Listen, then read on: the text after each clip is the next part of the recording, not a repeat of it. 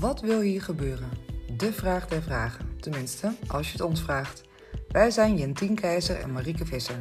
Met deze podcast hopen we je te inspireren om jezelf en de wereld om je heen beter te begrijpen. Van alledaagse issues tot mondiale crisis. We praten over liefde, angst, werken en leven. Over bewustzijnsontwikkeling en mens zijn in deze maatschappij. Laat je inspireren en verwonderen door oude wijsheid en nieuwe wetenschap. Door het stellen van die ene vraag: wat wil hier gebeuren? Oké. Welkom en leuk dat je luistert naar deze eerste aflevering van onze podcast. Wat wil hier gebeuren? We gaan het in deze serie hebben over het verhaal achter het verhaal. Van alledaagse issues tot mondiale crisis. Uh, alles wat niet zichtbaar is, wat we misschien oppervlakkig waarnemen of proberen op te lossen, vraagt misschien wel iets heel anders van ons. Uh, mijn eerste ervaring hiermee uh, is toen ik ooit bij Jentien kwam, die tegenover me zit. Hallo. Hallo. Leuk. Yes, want uh, misschien even goed om uit te leggen wat uh, de relatie tussen ons is. Ik kwam ja. ooit bij Jentien toen ik zelf uh, eigenlijk in een soort persoonlijke crisis verkeerde. En daarna, ja, eigenlijk heel long story short, raakten we gewoon niet uitgepraat. Over allerhande onderwerpen. En over die ene vraag, wat wil hier gebeuren? Uh, daarna ja. heb ik uh, nog een opleiding hè, bij jou gevolgd over bewustzijnsontwikkeling. Klopt. Ja. En inmiddels werken we gewoon op meerdere vlakken samen. Jij komt een workshop ja. geven op het retreat dat ik organiseer. En nu zitten we samen een podcast op te nemen. Uh, nou ja, eigenlijk dus omdat wij denken, er is zoveel te vertellen en waar te nemen. En uh, wat, we, wat aan de oppervlakte dus niet zichtbaar is. Dat is eigenlijk yeah. uh, nou, wat ik een beetje van jou heb geleerd. Dus misschien. Uh, hm. En ik denk ook dat. Hè, we gaan het in deze eerste aflevering hebben over crisis als kans. Over ja, de uitnodiging van deze tijd, zoals wij dat zien. Over afstand houden, naar binnen keren, ruimte nemen. Ja, dat is yeah. natuurlijk een ultiem onderwerp om, om te gaan kijken. Wat is nou het verhaal achter dit verhaal? Ja. Yeah de crisis die gaande is in onze wereld. Precies, ja. In de vorm van corona. Ja, en al het ongemak dat daarmee gepaard gaat. Uh, ja, de afkering ervan. Uh, ja, toch wel ongemak, denk ik, van mensen. Van wat, uh, wat moeten we nou? Zijn we niet zo gewend, hè? Om zo ingeperkt te worden in vrijheid, om weinig prikkels te hebben. Het valt mij vooral op dat het zo ongelooflijk verschillend ervaren wordt door iedereen. Oh, ja. Dat deze periode voor sommigen echt ja, bijna als zeer prettig en heerlijk rustig wordt ervaren. En uh, nou, helemaal niet zo vervelend. En andere mensen uh, ja, die ontzettend geconfronteerd worden met zichzelf. En uh, uiteraard speelt natuurlijk ook het, het, het, soort beroep dat je hebt enorm mee. Dat begrijp ik ook. Hè? Als je horeca-ondernemer bent, is dat iets heel anders dan ja. dat je um, online uh, meditatielessen geeft. Ja, Noem maar even. precies. Ja. Dus dat raakt je ook in je portemonnee dan. Maar het valt mij vooral op, en ik denk dat dat ook um, eigenlijk het thema is van, van wat wil hier gebeuren, is dat we geconfronteerd worden met onze eigen binnenwereld. Want we kunnen niet meer zoveel naar buiten en we worden niet meer zoveel uh, uit onszelf getrokken door allerlei sociale impulsen die we de hele tijd kregen. Dus hè, het wordt ja. wat stiller om ons heen. En ja. dan gaat die binnenwereld als het ware wat meer opspelen. En dan worden we daarmee geconfronteerd. En wat er dan naar boven komt, is heel verschillend voor iedereen. Ja, dat, en dat is eigenlijk als je breder kijkt naar crisis. Hè? Uh, de reden dat ik ooit bij jou kwam was, uh, nou, uh, ik heb een crisis en ik wil dat fixen. Dus, nou, ik ga naar een Jentien. Via via kwam ik bij jou terecht. En uh, toen het al best wel snel gebeurde, de vraag vanuit jou van wat wil hier gebeuren? Hoe kunnen we nou vanuit een ander perspectief naar deze problematiek kijken? Toen, toen kwam er zo'n shift bij mij dat ik dacht, oh ja, ik was zo druk bezig met het extern fixen van alles wat ik niet uh, prettig vond in mijn leven, dat ik gewoon helemaal uh, eraan voorbij ging dat eigenlijk de enige weg de weg naar binnen was. Daar, ja, daar lag het gewoon. Nou ja, het goud ligt van binnen, zeg ik altijd voor de gein. Ja. Maar het is natuurlijk wel zo. Nou, dat is bijna voor iedereen zo, hè? Want je komt in een Ja. crisis en dat vaak van buitenaf gestuurd. Je raakt je baan kwijt, je relatie loopt op de klippen, ehm, eh, je wordt ziek, uh, je wordt ontslagen, uh, nou noem maar op. Mm-hmm. En onze eerste reactie is dan: hoe krijgen we het weer op de rit? Hoe kom ik weer terug bij waar ik was? Of hoe wordt het ja. weer het oude? want het is bekend en dat willen we fixen en oplossen. Er is een soort probleem dat, dat gevraagd wordt van ons: los me op. Ja. Maar vaak gebeurt dat niet zomaar. En dat bedoelden wij ook hè, eh, met het verhaal achter het verhaal. Als je nou eens niet meteen alles probeert op te lossen en weer terug bij het oude probeert te krijgen, wat mm. wil er dan gebeuren? Welke kans of mogelijkheid ligt er voor jou uh, om anders met dingen om te gaan? En dat vraagt inderdaad vaak een enorm.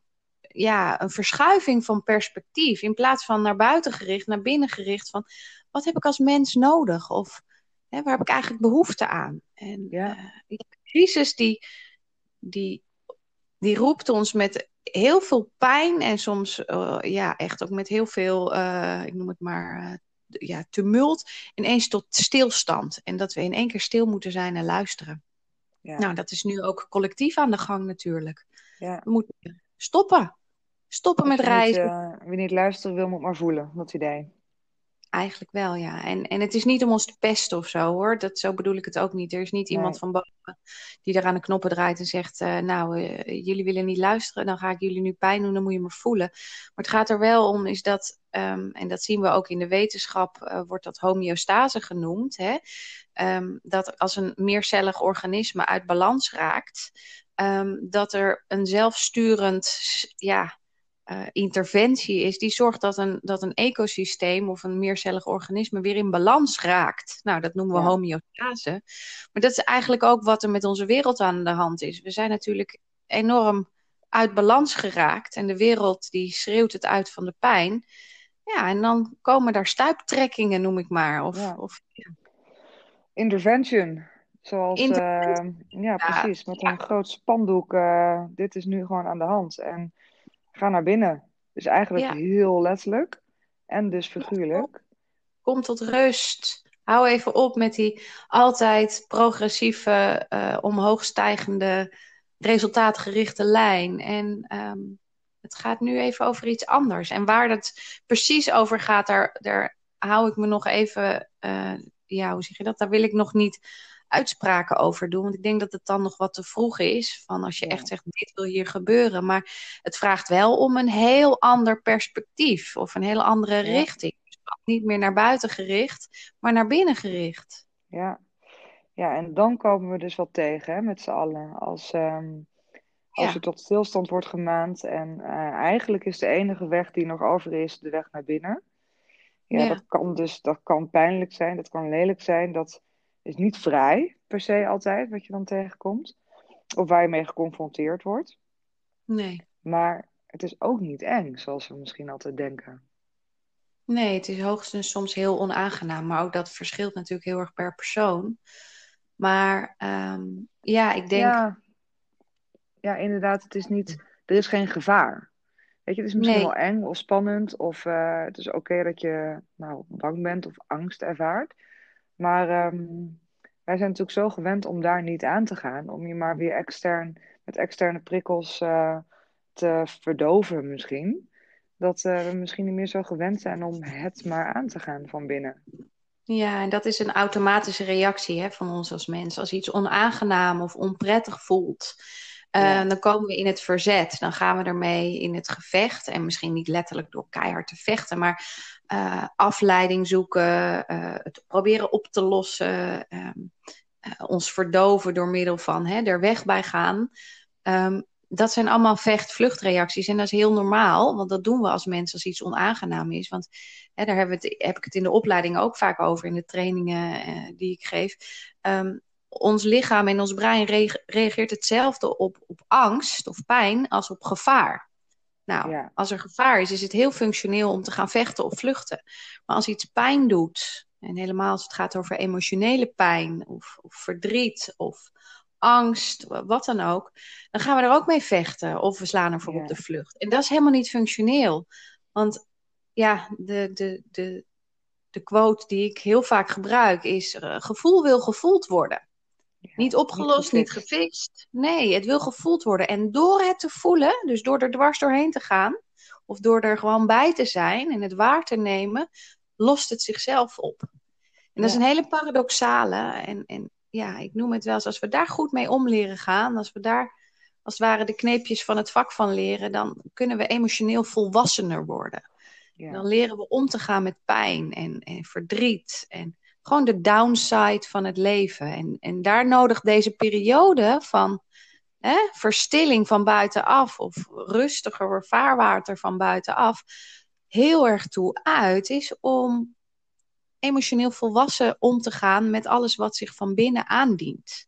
Ja. Nou, dat is een enorme kans. Maar ja, dat, dat lezen we niet op het nieuws natuurlijk. En, en, en daar, heeft, daar hebben niet veel mensen in de reguliere politiek of ons paradigma het over. Maar dat is naar mijn idee wel wat hier wil gebeuren, ja. Ja, en um, wij, uh, jij schreef onlangs een artikel ook hierover, wat ik wel interessant vond, dat je zei dat we ook dat de dood hè, en het omgaan met de dood natuurlijk ook zoiets is wat, waar, waar we niet zo gewend zijn om mee om te gaan of uh, de, dat te kunnen ervaren of te zien in een breder perspectief. Dat is natuurlijk ook een één op één gevolg van, van zo'n crisis waar we nu in zitten. Ja. Dat is natuurlijk een heel ingewikkeld. Ja, misschien kun je daar nog licht op laten schijnen. Nou, kijk, in het kader van emotioneel volwassen worden, of eigenlijk uh, vol, überhaupt volwassen worden, we zonder daar, hè, ik bedoel het niet als oordeel, maar we gaan natuurlijk op een hele, ja, ik noem het maar kinderachtige manier om met het leven. We zeggen tegen bepaalde dingen in het leven, nou dat wil ik wel en dat ga ik vasthouden en dat, dat, dat, dat vind ik prettig, dus dat ga ik cultiveren en dat, dat moet zo blijven. En, en een heel deel van het leven, nou, dat wil ik niet. Ziekte, dood, pijn, verdriet, nee, dat wil ik niet. Nee. Uh, en dat ga ik fixen, oplossen of dan ga ik bij weg, dan ga ik Netflixen of allerlei andere afleidingsmanoeuvres zoeken. Maar dat kunnen we niet doen. We kunnen niet tegen de helft van het leven ja zeggen en tegen de andere helft nee. Dan, dan wil je het leven niet. Dus dat is ook een bepaalde manier van volwassen worden, is dat we ja, zeggen tegen het volledige mens zijn. Ja. En daar hoort ziekte en dood bij. Maar hè, wat je natuurlijk ziet, en dat is ergens ook heel mooi, is dat onze wetenschap en onze geneeskunde uh, iedereen zo lang mogelijk in leven probeert te houden. Um, maar ja, ik zou het intelligent vinden als we ons eens de vraag zouden stellen: waarom eigenlijk? En is, dat, hè, is dat iets. Zien we dat ergens in de natuur terug? En hoe gaan we om met die dood? Kunnen we dat inclusief maken van ons leven? Nou, dat, dat zou ik op zich een hele interessante discussie vinden als we, als we daar meer naartoe gingen. Want als er iets is waar we niet omheen kunnen in het leven, is het ziekte en dood. Nee, ja. En crisis en angst en pijn en alles wat daarbij hoort. Ja. En de meeste mensen komen bij jou uh, in een persoonlijke crisis. Hè? Dus uh, we hebben het nu over een mondiale crisis, maar persoonlijke crisis is uh, waarvoor mensen vaak bij jou komen. Vaak ook burn-out-achtige um, ja. verschijnselen. Of gewoon echt arbeidsongeschikt door stress en burn-out klachten. Ja, dan begin je natuurlijk ook, hè? dan help je mensen ook met de vraag der vragen: wat wil hier gebeuren? Hoe, um, hoe landt dat bij mensen als ze bij jou komen? Dat ze denken, nou, uh, weet je, ik, ik heb zelf ook ooit een burn-out gehad. Ik zeg altijd, ik was de early adapter van de burn-out, want dat was echt uh, een jaar of vijftien geleden. Oh. Maar, um, maar uh, het heeft mij ook heel veel gebracht, inderdaad. Maar ik weet ook nog hoe het is om gewoon helemaal naar de tering te zijn. Gewoon fysiek uh, niks meer kunnen, niet eens naar de supermarkt. Je bent gewoon kei en keihard tot stilstand gebracht. Ja. En um, ja, om dan uh, even uit te zoomen en te vragen wat wil hier gebeuren. Ik was al lang blij als ik een keer een pak melk kon halen in de supermarkt, weet je wel. Ja. Ja. Dus um, ja, hoe, hoe kun je daar naartoe als, uh, als je daar bijvoorbeeld in zit? Nou, wat mij altijd opvalt als mensen, hè, ik noem het wel eens, helemaal naar de get vergaan. Uh, dan hebben ze een hele trucendoos met uh, uh, oplossingen en gereedschap om het weer bij het oude te krijgen. Die is al lang op, ze hebben geen puff meer. Dus dan komt er een, een bijna een punt van wanhoop. Van het maakt me niet meer uit, maar dit gaat niet meer. Dus, dus een burn-out of een echt een hele heftige depressie. Of het is echt zo'n soort, ja, alsof er een, een locomotief met piepende remmen tot stilstand komt. En hè? Eh, en dat mensen eigenlijk op dat moment vaak al heel openstaan voor: oké, alles wat ik geprobeerd heb werkt niet. Vertel me Ja. maar wat wel. Ja. Nou, en wat ik inderdaad Ja. vaak wel uitleg, is ook van hè, hoe ons fysieke lichaam werkt. Want ik zeg altijd wel eens van, hè, ik heb artikelen geschreven over vertrouw je burn-out of vertrouw je crisis. Het weet waar het mee bezig is. Het is heel lastig om iets te vertrouwen als je het niet begrijpt. Nee, Dus begrip.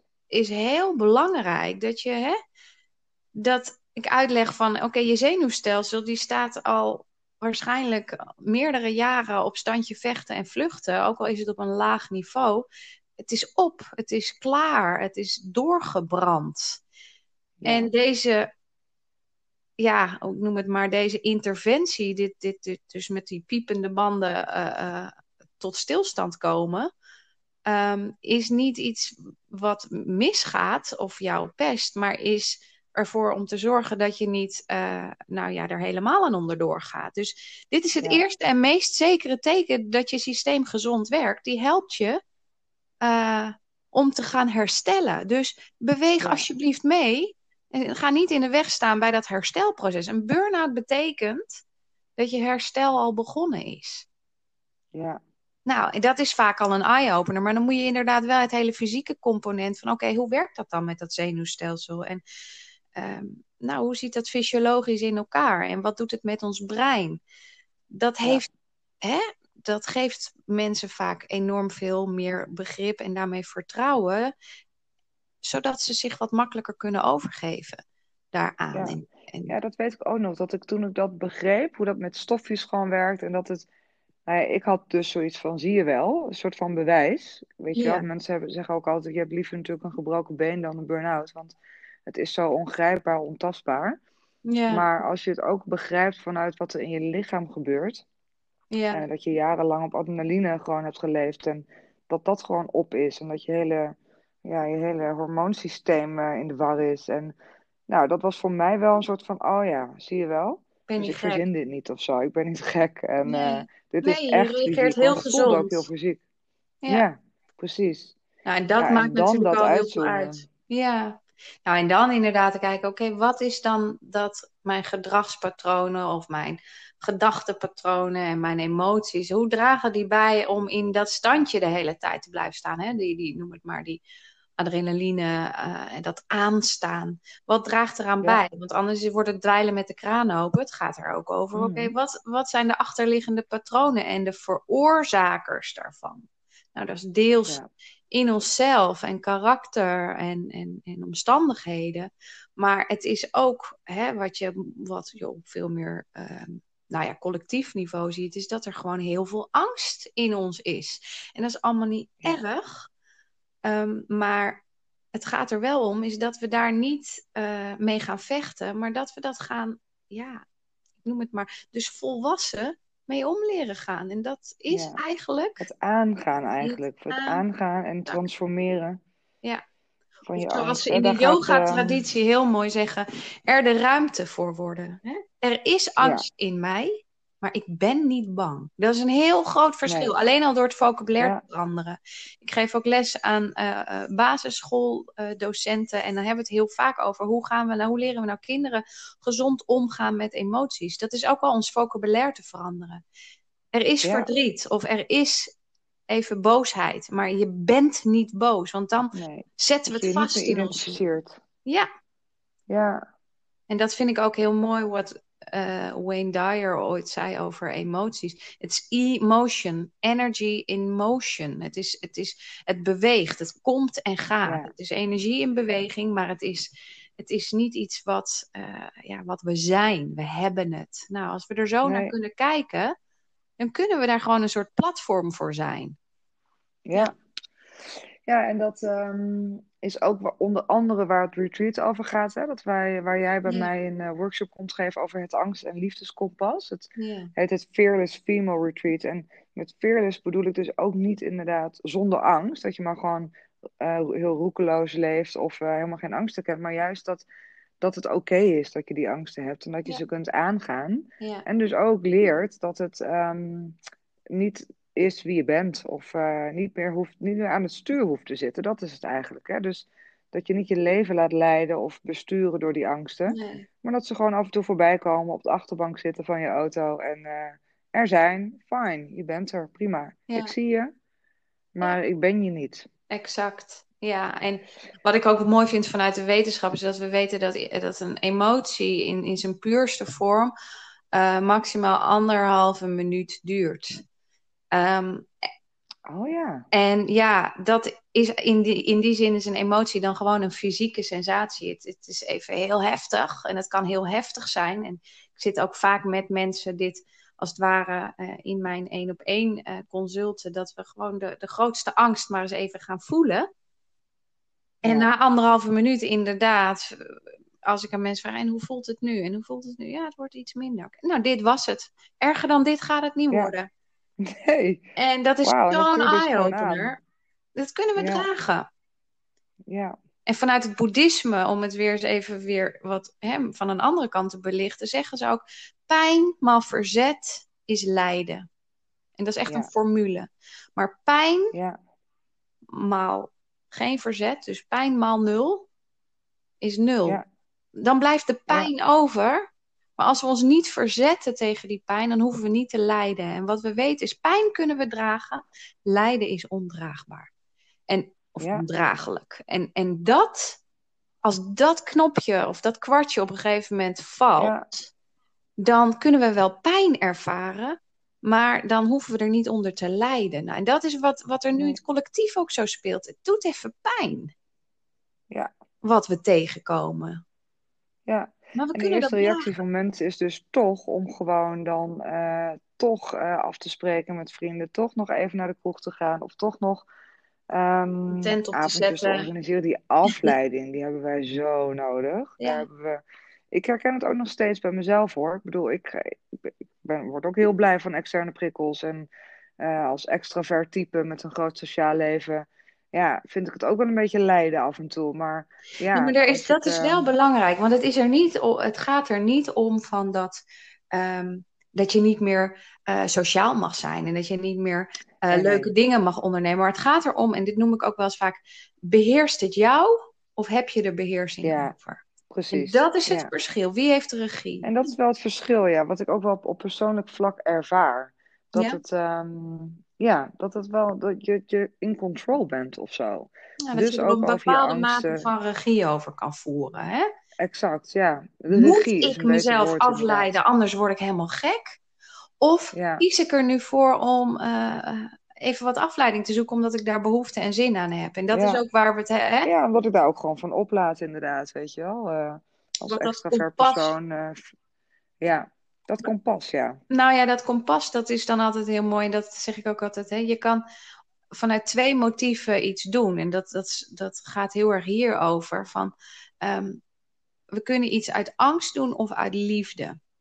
En niet de romantische Ja, liefde, maar voorkeur, zin in. eh, eh, ja, hè? Kies ik voor afleiding of mijn vrienden te bezoeken of om te Netflixen, omdat ik gewoon even zin heb daarin en daarvoor kies en er behoefte aan heb? Of doe ik het omdat ik iets anders niet wil voelen? Als ik mezelf ja, niet afleid, dan word ik zo geconfronteerd met mijn eigen angsten en mijn eigen ongemakken. En mijn... ja, Dus doe ik dat. Nou, als je dat kompas aanzet, wat doe ik uit angst en wat doe ik uit liefde? En jezelf de vraag ja, stelt, wat zou liefde nu doen? Dan ga je een totaal ander leven leiden. En ik denk dat dat ja, voor heel veel mensen, ehm, nou kom ik er vaak achter in mijn workshops en trainingen, dat, dat mensen zeggen, maar ik doe bijna alles uit angst. Oké, ja, nou. En dat zorgt er weer voor dat we in heel veel stresshormonen aanmaken en dat we heel veel eh, cortisol in ons systeem inpompen en, en nou, ja, uiteindelijk burn-out raken of ziek worden, eh, het ja, niet meer volhouden. Dus nou, dit zijn dingen naar mijn idee wat, wat basisschoolles of in ieder geval middelbare schoolles ja. nummer één zou moeten zijn. Want hè, En begrijp jezelf. Ja, Ja. Het heeft ook wel eens te maken, denk ik, met die eh, eh, vier niveaus van eh, bewustzijn, die, eh, die ook in jouw opleiding voorbij komt en waarschijnlijk ook op het retreat in de workshop. ja, Dat je jezelf dus eigenlijk iedere keer kan monitoren hè, op, op verschillende niveaus. En, ja, en jezelf de vraag kunt stellen: oké, nou in het licht van deze situatie, ja, waar bevind ik me nu? ja, En ehm, ja, misschien is dat nog wel een, een, ja, een goede Praktische, manier, takeaway na deze podcast. Van, oh ja, die vier niveaus. Dat is een soort van concreet eh, om te onthouden. Ja, nou, het zijn twee dingen die, die we misschien uit, uit, eh, in het licht van deze, eh, dit thema kunnen meegeven. Is, hè? Dus de vraag, jezelf dat kompas aan te zetten en, en jezelf de vraag te stellen: wat zou liefde nu doen? Als je twijfelt over Ja. keuzes ehm, en je weet niet eigenlijk van hè, wat is wat, want het is nogal met elkaar verstrengeld, angst en liefde. Maar wat zou Mhm. liefde nu doen? Dat is er Ja. eentje. En wat ik inderdaad vaak meegeef, dat zijn de vier niveaus van bewustzijn van Ellen Seal. Die onderscheidt vier niveaus van bewustzijn. En, en dat is eigenlijk de niveaus waarop we als mens kunnen functioneren. Ehm, het eerste niveau is het niveau van de drama. En op dat niveau eh, eh, stellen mensen zich de vraag: eh, wiens schuld is het? Hè? Er gebeurt iets vervelends, Ja. ik word ontslagen, dat is de schuld van mijn baas. Als hij niet Ja. zo, of mijn manager, als die niet zo, dan. Nou, dit zijn altijd mensen die met vingers naar anderen wijzen en, het gaat niet over zichzelf. Ja. Nou, tweede niveau is het niveau van de oplossingen. En op dat niveau vragen mensen zich af: eh, hoe los ik het op? Hè?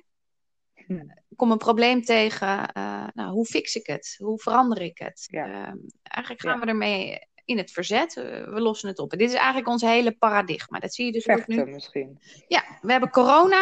Hoe krijgen we het eronder? Ja. Hoe lossen we het op? Ja. En dat is ook letterlijk, vind ik Ja. heel mooi, is letterlijk de, de slogan van Rutte. Hoe krijgen we dit virus eronder? Ja, precies. En we zien dus, ehm, we krijgen het er niet onder. En ik vermoed ook dat we het er niet onder gaan krijgen. Ja, misschien een vaccin, maar ik vermoed Nee. dat er dan ook weer een soort mutatie van komt die net weer niet reageert op dat vaccin. Ja, Maar goed, dat is een ander onderwerp. Nou, en het derde Precies. niveau, dan wordt het interessant. Ehm, en op dat niveau, dat noemen we ook wel het niveau van de keuzes. Wie wil ik zijn in het licht van deze situatie? Welke opties heb ik om te reageren? Welke keuzes kan ik maken? Ja. wat, wat voor, welke kant van mezelf verkies ik nu naar voren te laten komen? En dan, dan kun je dan eindeloos veel opties. En dat geeft meteen ruimte. Je voelt meteen van, hé, hey, ik, ik heb dus vrijheid om te kiezen. Ja. Maar dan keren we dus naar vrijheid binnen. om te reageren Exact. op een situatie. Ja, En dan kunnen we daar ook verantwoordelijkheid voor nemen. Omdat we... ja, Hè, en dat is dus, je ziet ook, dan keren we niet naar buiten met wiens schuld is het of hoe los ik het op in die buitenwereld. Maar wie wil ik eigenlijk zijn? En dan gaat het over Ja. zijn, niet meer over doen, maar over zijnskwaliteiten. Ja, Kom ik tot rust? Wil ik eh, de rustige kant naar voren laten komen? Wil ik de vergevingsgezinde kant? Welke, welke kant kan ik ontwikkelen?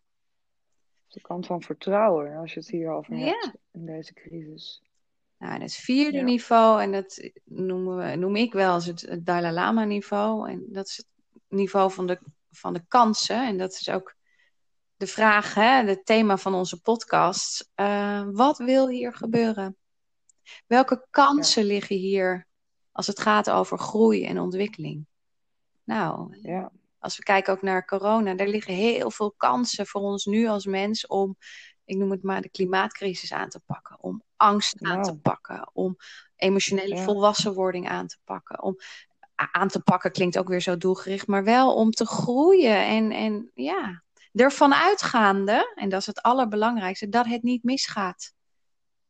Dat, dat er dus Ja. een kans ligt om weer in balans te komen met onszelf, met onze wereld. Nou, ja, als we op dat niveau de als wereld aanvliegen en ons eigen persoonlijke Ja. leven aanvliegen, waar we de komende ja, podcasts ook gewoon naar verschillende thema's gaan kijken, dan gaat er een wereld voor je open. En ja, ja, dat is eigenlijk ook de. mm, Hè, want in een volgende podcast gaan we het hebben over de mannelijke en vrouwelijke energie en de disbalans dus die daarin is ontstaan. ja, Wat voor mij dus ook weer heel veel te maken heeft met eh, deze crisis. Dat hè, de ja, resultaatgerichte, prestatiegerichte, op winst ehm, be- beluste maatschappij. Dat het dus ook gewoon niet langer gaat. Ja. Dat aan alle kanten eigenlijk, het is gewoon ho, stop, Ja. Tot hier en niet verder. Ja. En eh, wat mij betreft heeft dat dus ook eh, heel erg veel te maken met ehm, de balans tussen eh, het mannelijke en het vrouwelijke in de wereld. Dus ja, het vrouwelijke gaat veel meer over overgave en vertrouwen. En Het mannelijke gaat dus over ja, het, het prestatiegericht en daarmee uitputting. Uitputting van onszelf, van de aarde. Mhm. Ja, het is eh, als, je het, eh, als je de niveaus van bewustzijn hierop loslaat of het, de vraag wat wil hier gebeuren, is dat voor mij ook wel echt een, nou ja, een, een hele duidelijke, hele duidelijke wat wil hier gebeuren. Ja, ja, Er zeker. mag echt balans gaan komen. Het haakt allemaal op elkaar in. Maar daar Ja, zullen we het ja. uitgebreid over gaan hebben. Leuk. Zeker weten, ja, in een volgende podcast.